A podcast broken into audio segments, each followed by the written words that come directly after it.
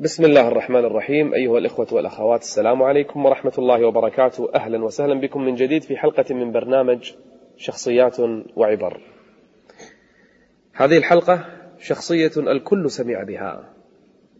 تربى منذ صغره في بيت الخلفاء فهو ابن الخليفة وزوجته بنت الخليفة إنه عمر ابن عبد العزيز. الخليفة الراشد. من أحفاد من؟ من أحفاد عمر بن الخطاب. إحدى جداته تلك المرأة التي كانت تقول وأمها تقول أخلط الماء باللبن. فتقول البنت في عهد عمر بن الخطاب تقول إن عمر قد منع هذا منع أن اللبن يخلط بالماء. قالت أمها وما أدرى عمر؟ عمر إيش دراه؟ عمر في بيته وحنا في بيتنا. أخلط الماء باللبن قالت البنت إن كان عمر لا يعلم فإن رب عمر يعلم عنا ما أفعلها. هذه البنت زوجها عمر لأحد, لأحد أولاده فأنجبت بنتا ومن تلك البنت أيضا أنجبت ولدا هو عمر ابن عبد العزيز. رحم الله عمر. منذ صغره كان أبوه يربيه على الطاعة وعلى العبادة. يوم من الأيام أرسل مربيه في بيت الملوك وفي القصور. يوم من الأيام تأخر عن الصلاة. عمر بن عبد العزيز كان صبي صغير تأخر عن الصلاة. مربيه يقول ليش تأخرت عن الصلاة؟ يقول كنت أرجل شعري أمشط شعري. فأرسل إلى أبيه. أن ابنك تأخر عن الصلاة بسبب ترجيل شعره يمشط شعره. فأرسل أبوه رسالة أول ما توصلك هذه الرسالة مباشرة احلق رأسه. ما بولد عنده شعر يأخر عن الصلاة. شوفوا التربيح. شوفوا تربية الأب لولده. تربى عمر بن عبد العزيز. صح في بيت الترف لكن تربى على الدين. تربى على القرآن. في بيت مترف وقصر مترف لكن تربى على السنة. وتربى على العبادة. وتربى على القرآن. وتربى على مجالسة الفقهاء والعلماء. حتى تولى خلافة المؤمنين. وصار عمر بن عبد العزيز هو الخليفة. عمر بن الخطاب رضي الله عنه كان يقول لأصحابه يوما من ولدي رجل بوجهه شجة على وجه ضربة يملأ الله به الأرض عدلا من أولادي. طبعا أكيد ما أخذها من عنده أكيد من رسول الله. عمر بن عبد العزيز وهو صغير ركلته دابة فرس فسقط على الأرض وانشج وجهه. فقال أبوه وهو ينظر إليه وجهه مشجوج قال إن كنت أشج بني أمية فإنك لسعيد. إذا أنت اللي وعدنا فيه عمر فإنك لسعيد. وفعلا كان هو رحمه الله. أول ما صار خليفة سوى؟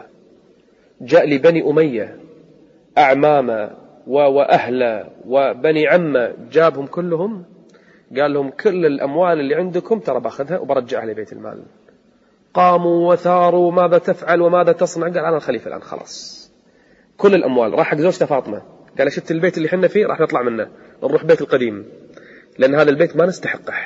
هذا من من بيت المال. هذا أخذ غصبا وظلما. وإذا ببني أمية يتضايقون حتى أرادوا قتله بعضهم ما استطاعوا عليه. كان حازما. أخذ الأموال كلها من منه؟ من الأسرة الحاكمة. وجاء لزوجته فاطمة. قال لها إيش رأيك؟ تبيني ولا تبيني القصر والأموال؟ قالت أبيك. قال لها نطلع من القصر. ذهبك وأموالك كلها تردين لبيت المال. قالت هذه أعطاني إياها أبي. قال لها أبوك لا يملكها. إيش رأيك؟ حتى أبوك لا يملكها أصلا. قالت والله أختارك. وكانت عاقلة فاطمة بنت عبد الملك. فأرجعت كل أموالها لبيت المال. ولم تخرج إلا بثيابها. وجلست مع زوجها العابد. الزاهد الذي ما ملك من أموال أسلافه وآبائه وأجداده والترف الذي كان يعيش فيه ما ملك إلا ثوبا واحدا يلبسه يستر عورته. عاش مع زوجته وأولاده زمنا. عمر بن عبد العزيز تقول فاطمة كان يقوم الليل كل ليلة فيبكي حتى أقول مات. يبكي حتى أقول مات الرجل. يوم من الأيام تقول قام يصلي بصورة, بسورة القارعة. تقول فبكى حتى أغمي عليه سقط على الأرض مغشيا عليه. ثم قام وهو يقول ويل لي من يوم يكون الناس فيه كالفراش المبثوث. أي سورة قرأها وبكى؟ سورة القارعة. القارعة. ما القارعة؟ وما أدراك ما القارعة؟ يوم يكون الناس كالفراش المبثوث. فبكى وظل طوال الليل يبكي. تقول فأصبح صائما. هذا عمر بن عبد العزيز. عمر بن عبد العزيز قرأ يوم من الأيام في خطبة الجمعة. إذا الشمس كورت وإذا النجوم انكدرت. وهو يقول ما بالها؟ الشمس تكور والنجوم تنكدر. يقولون حتى وصل وإذا النفوس زوجت حتى وصل إذا وإذا الجحيم سعرت وإذا الجنة أزلفت بكى. وأبكى كل من كان في المسجد. هذا عمر بن عبد العزيز. يمر على المقبرة يوما. المقبرة. فيقول لأصحابه انتظروا. فذهب إلى المقبرة ونادى أهل القبور. يا أهل القبور أجيبوني. ماذا صنعت أيها الموت في الأحبة؟ ماذا فعلت بهم؟ ماذا صنعت بهم؟ ألا هل من مجيب؟ أحد يجيب طبعا. فيخر على ركبتيه يجثو وهو يبكي. وقال شعرا عند المقبرة يوم من الأيام أتيت القبور فناديتها. أين المعظم والمحتقر؟ تفانوا جميعا فما مخبر وماتوا جميعا ومات الخبر. فيا سائلي عن أناس مضوا أما لك فيما مضى معتبر؟ إنه العابد إنه الزاهد. بكى ليلة من الليالي وهو يقوم الليل فأبكى كل الجيران. طبعا بيته صغير وعند بيوت الجيران يسمعونه. بكى وأبكى الجيران جميعا من آية واحدة. ما الآية التي أبكت؟ فريق في الجنة فريق في الجنة وفريق في السعير. قالوا له ليش تبكي؟ قال تذكرت فريق الجنة وفريق السعير ما أدري أنا في أي فريق أكون. أنا في الجنة ولا أنا في السعير؟ ظل يبكي طوال الليل. كان عادلا كان زاهدا. لا يملك شيء من الدنيا. يوم من الأيام جاء لزوجته فاطمة. قالت له قال لها يا فاطمة اشتهيت عنبا. مشتهي آكل عنب. عندك درهم؟ البيت فيه درهم؟ فتشت فاطمة في البيت ما وجدت. قالت والله ليس عندنا درهم. بيت الخليفة أمير المؤمنين ليس فيه درهم. قال لو كان عندي درهم ما اشتريت عنبا وأكلت. قالت له لم تصنع هذا بنفسك؟ لم تفعل هذا؟ أمير المؤمنين أمير المؤمنين ولا يملك درهما.